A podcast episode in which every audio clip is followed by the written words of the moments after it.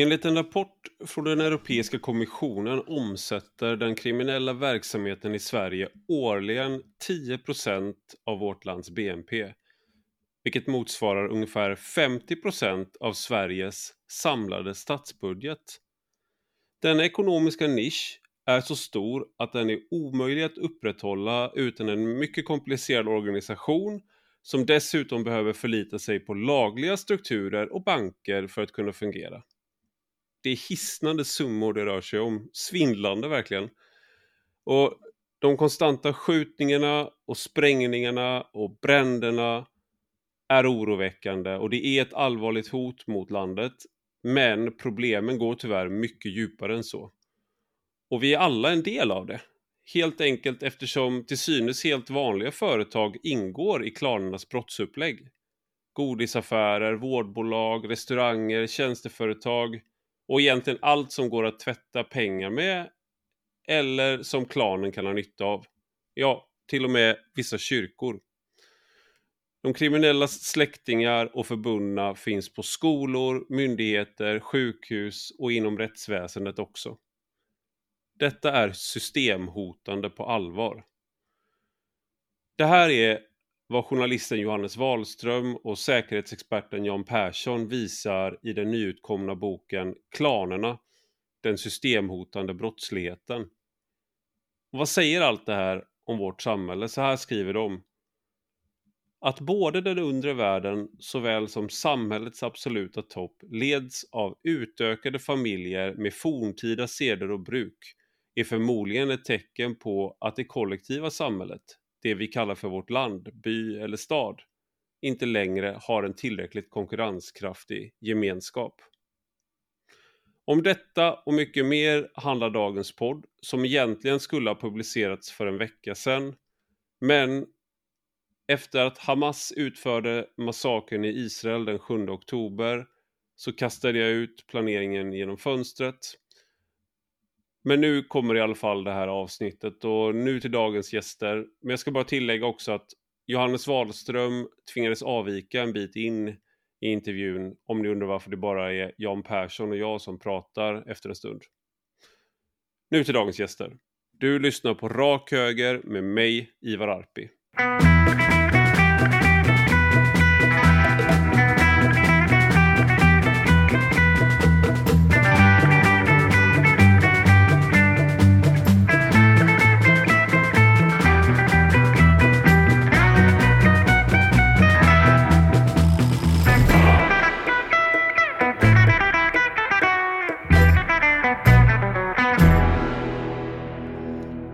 Välkomna Jan Persson och Johannes Wahlström till Rak Höger. Tackar. Tack. Eh, ni har skrivit en bok som eh, det känns som att, att, det finns lite olika variationer på den här titeln. Klaner, klanen och så här, familjen. Det har varit lite, några sådana där böcker som har kommit de senaste åren. Eh, men det som utmärker er bok är att ni eh, har kopplat ihop kriminell verksamhet med, eh, med helt legal verksamhet. Alltså, det är, många av de här andra böckerna, antingen så fokuserar de på ja, kulturen kring en klan till exempel. Var kommer klankultur ifrån och hur kan det funka? Hur ser kvinnoförtrycket ut och sådär? Eller det rent kriminella, eh, att man har och ni har liksom gift ihop de här olika delarna men också fått med eh, ja, de delarna som kanske inte är kriminella.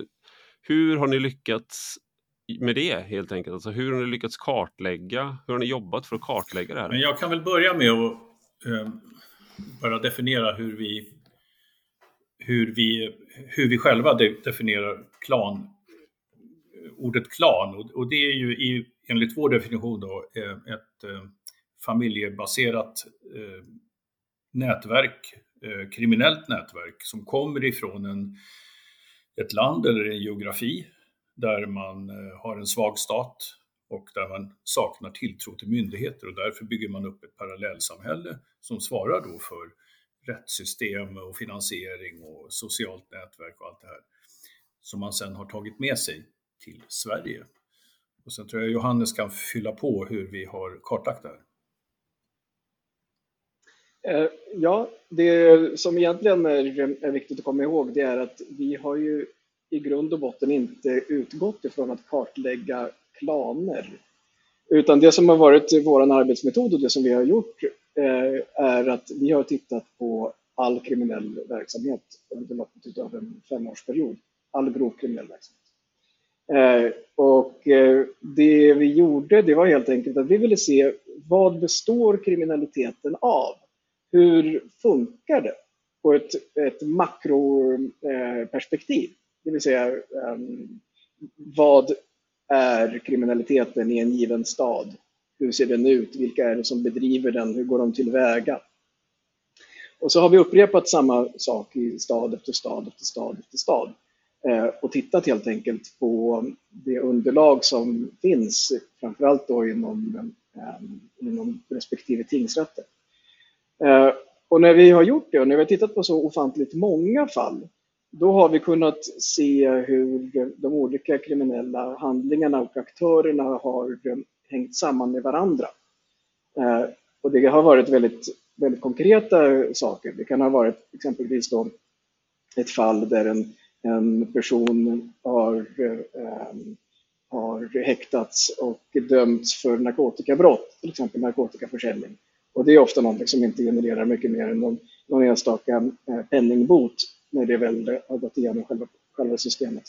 Eh, men det vi har kunnat se då det är att den här narkotikaförsäljningen den kanske i slutändan har resulterat i att vinsten från försäljningen har hamnat på ett specifikt konto.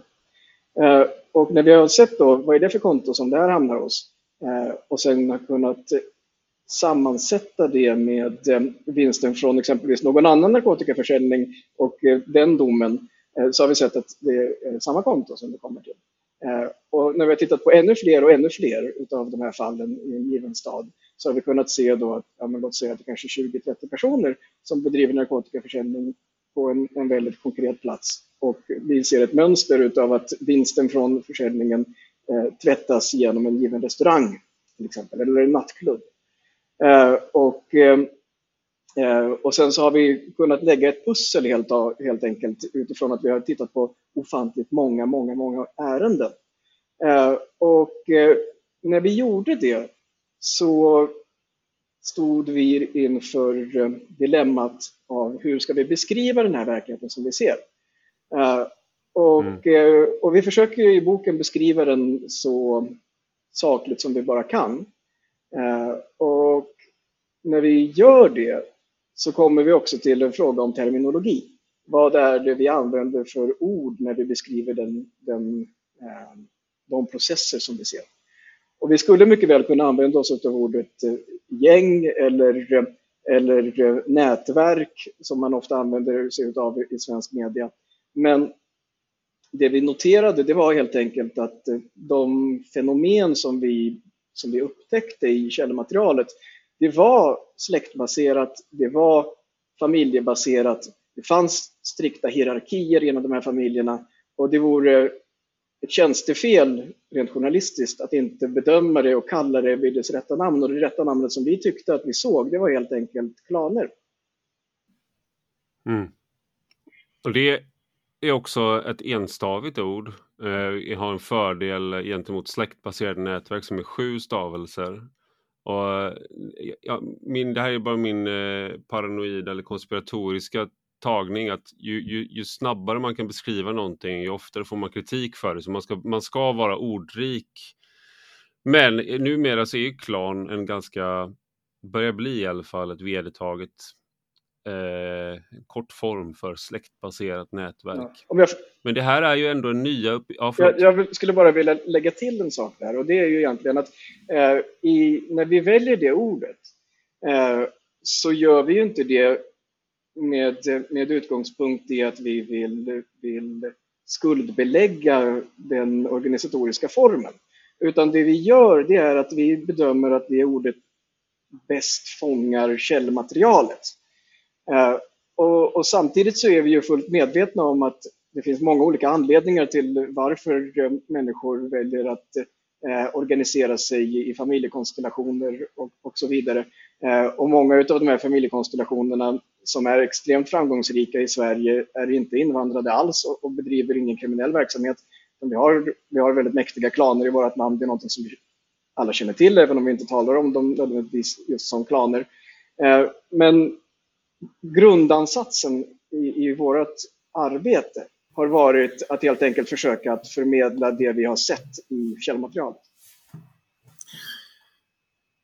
I, eh, I tillägg så tycker jag att det är viktigt också att eh, poängtera att eh, en klan som kan bestå av ett hundratal familjemedlemmar där är det ju inte så att alla är kriminella, utan det är kanske en bråkdel av de här som, som bedriver kriminell verksamhet. Eh, eh, men de gör det med klanens goda minne, därför att det kommer klanen till del alla de intäkter som deras kriminella verksamhet genererar.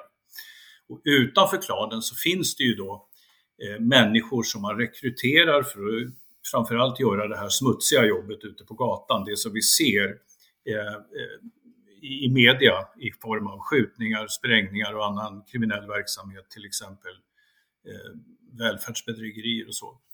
Eh, de är ju inte medlemmar i själva familjen, i klanen. Eh, utan de har rekryterats in. Eh, vilket är, eh, jag tycker är viktigt att säga i, i det här sammanhanget. Så att det, vi fokuserar just nu som såklart eh, när det har med våld och eh, skjut, skjutvapen, sprängningar, allt sånt där.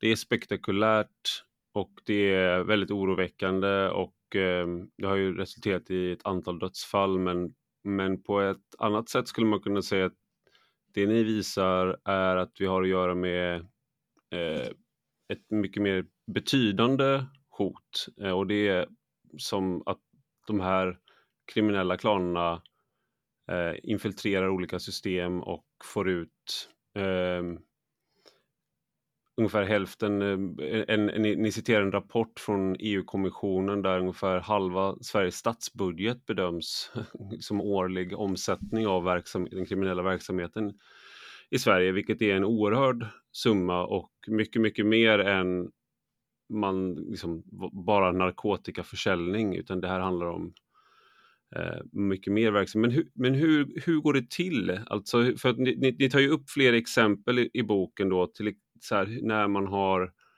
man har en, eh, en banktjänsteman som beviljar bostadslån till exempel till fastighetsförsäljning, man har övervärderat fastigheter. Men hur kan det generera vinster till exempel? Till, och hur, hur, hur ser ett sådant upplägg ut? Alltså, från början är det viktigt att förstå att klanerna har ett kontinuerligt behov av att eh, finansiera sin egen verksamhet, men också att tvätta pengar som kommer från kriminell verksamhet, vita då.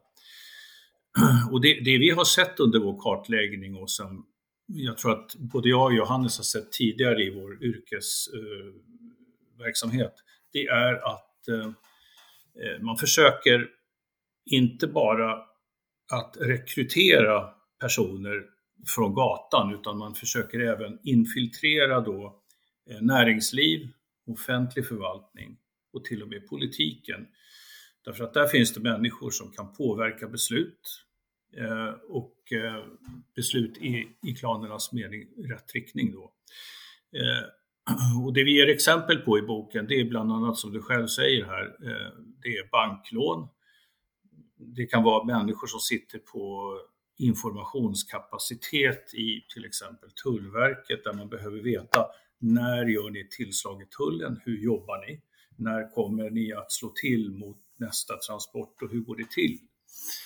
Eh, om vi tar eh, bankvärlden som exempel där jag själv har en lång erfarenhet så, så vet vi ju att man har eh, inte bara lyckats rekrytera människor utan till och med placera människor med rätt utbildning som sen då jobbar för klanen. Och det vi tar upp i boken det är ju att eh, eh det är en banktjänsteman som har jobbat några år eh, i banken. Han är eh, väldigt eh, duktig.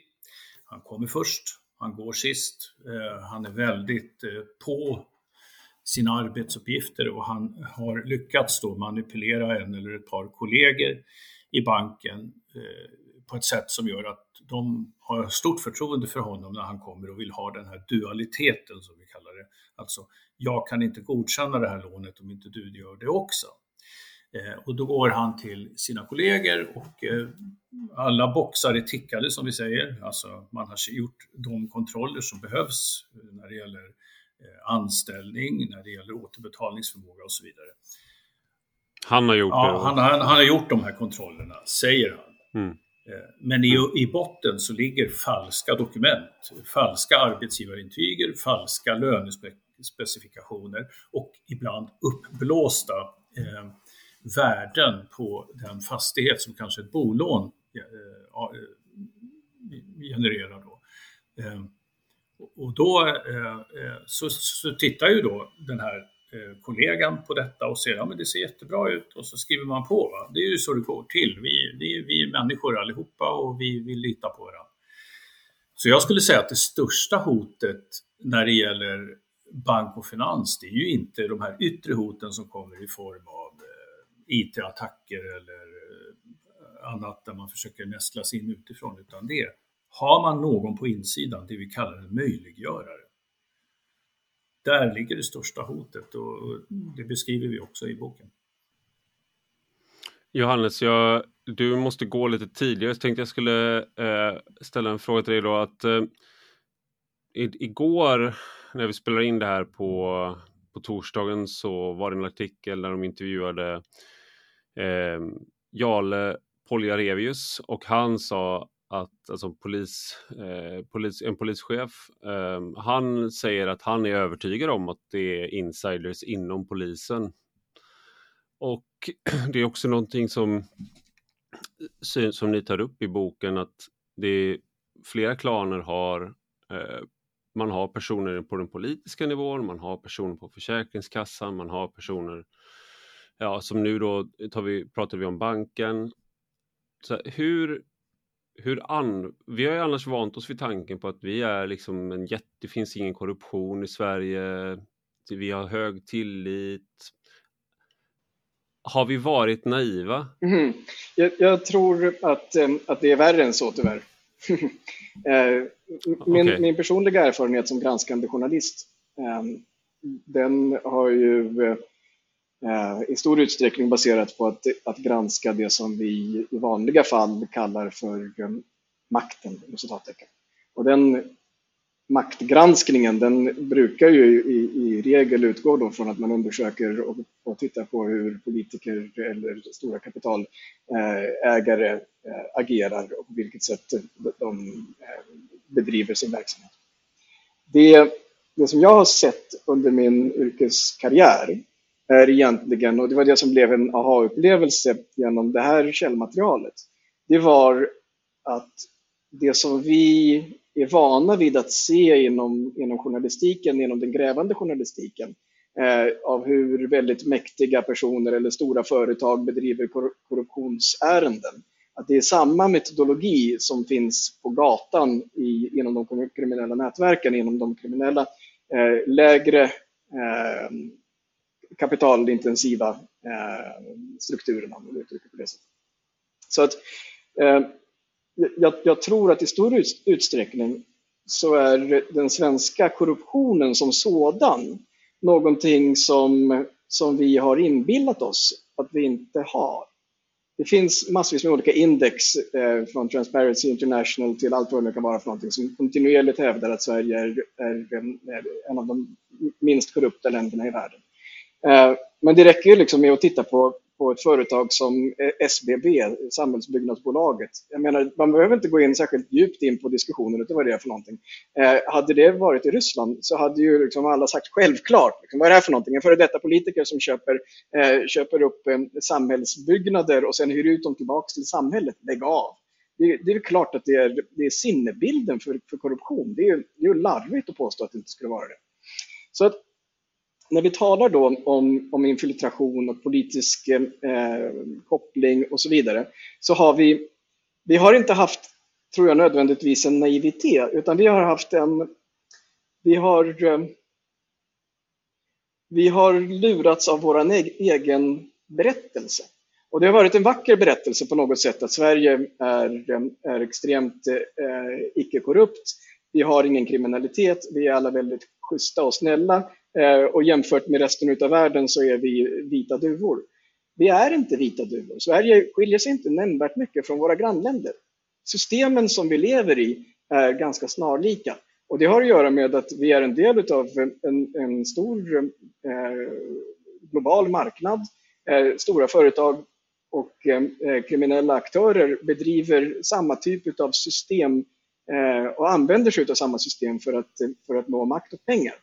Eh, och jag, jag tror mm. där i att kanske den viktigaste aspekten eh, för samhället generellt, det är att eh, inte att sluta vara naiva, utan att, att sluta lura oss själva. Eh, att börja behandla den svenska, det svenska samhället på motsvarande sätt som om vi skulle prata om Frankrike. Det är inte så att, att Sverige är unikt, vi är inte unika. Och det kanske är det som, som, som kanske du är ute efter.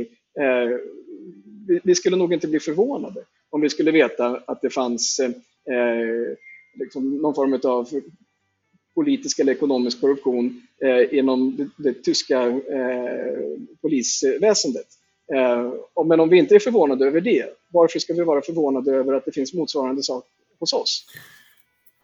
Om vi tittar på det som vi är inne på nu, den svenska naiviteten. För det är det det här handlar om.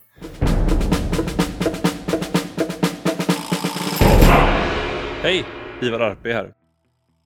Vi på Rak Höger får inget pressstöd. Vi tar inte emot pengar från någon intresseorganisation eller lobbygrupp. Så det är endast tack vare er prenumeranter som vi kan fortsätta vara självständiga röster i en konform samtid. Men för att det ska fungera behöver en del av er som inte redan är det bli betalande prenumeranter. Och som betalande prenumerant får du även möjlighet att ställa frågor till gäster, kommentera artiklar och poddar samt även läsa texter som ligger bakom betalväggen. Dessutom ingår podden Under all kritik som jag har ihop med Anna-Karin Windham. Så gå in på enrakhoger.se subscribe och välj vilken prenumeration som passar dig bäst. För 5 euro i månaden eller 50 om året får du tillgång till allt material på rak höger. Vi hörs nästa avsnitt igen.